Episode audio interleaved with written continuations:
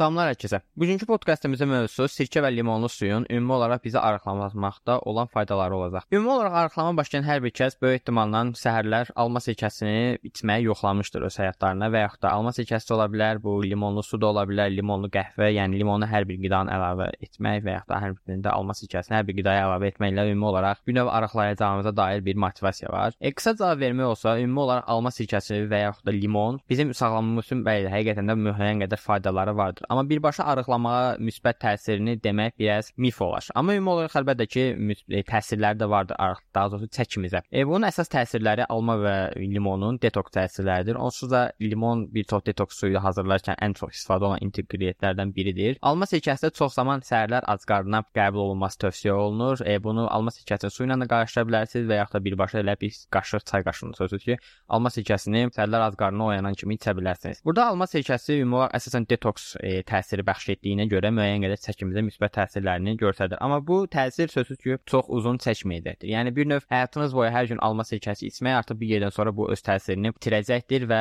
bir növ sizi arıqlatmayacaqdır. Onsuz detoksa da belə işləyir. Yəni bütün gün, hər gün, hər an detoks qəbul etsəniz, detoks suyuları və yaxud da çayları, o bir yerdən sonra artıq öz təsirini itirəcəkdir. Çünki artıq bir növ bədəndən asılı su qalmır. Qalırsa da belə artıq o qədər də ona təsir edə bilmir. Mən özüm də ümumi olaraq e, hər gün səhər tezdən duranda e, bir stəkan su götürürəm özümlə, yəni soyuq suyu əsasən də alma sirkəsi və limon qatıb e, içirəm. Müəyyən qədər günə başlamaq üçün məncə yaxşı bir şeydir bu. Çünki alma sirkəsinin tərkibində olan sirkə mədəmizdəki sirkəyə oxşardır deyə turşuluğunu artırır bir növ və bu da bədənimizi bir növ həm oyanmasına müsbət təsir göstərir, həm də mədə funksiyalarımızı yaxşılaşdırmağa, yəni orada probiotik, prebiotik kimi təsirlərinə, yəni ümumi olaraq mədə bağırsaq sağlamlığımıza alma sirkəsi həqiqətən də faydalıdır.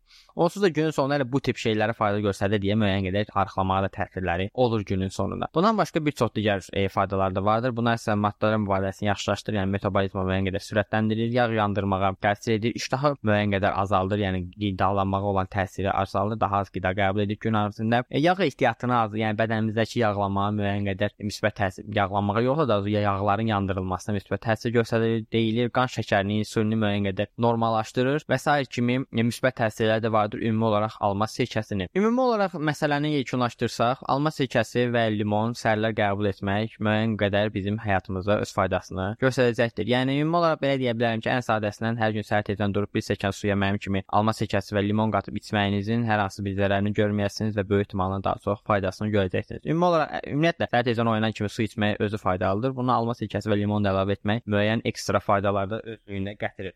E, həmçinin də bunun əsas təsirini bizim arıqlamamıza detoks təsir göstərərək müəyyən qədər arıqlamamıza kömək ola biləcəyini deyə bilərəm. Bu epizodumuzdan da bu qədər. Ümumi olaraq fikirlərinizi Instagram və Facebookda paylaşdığımız postların altına qeyd edə bilərsiniz. Ehtiyac olunacaq bütün linklər açıqlama hissəsinə əlavə olunmuşdur. Hələlik özünüzə yaxşı baxın, görüşənədək.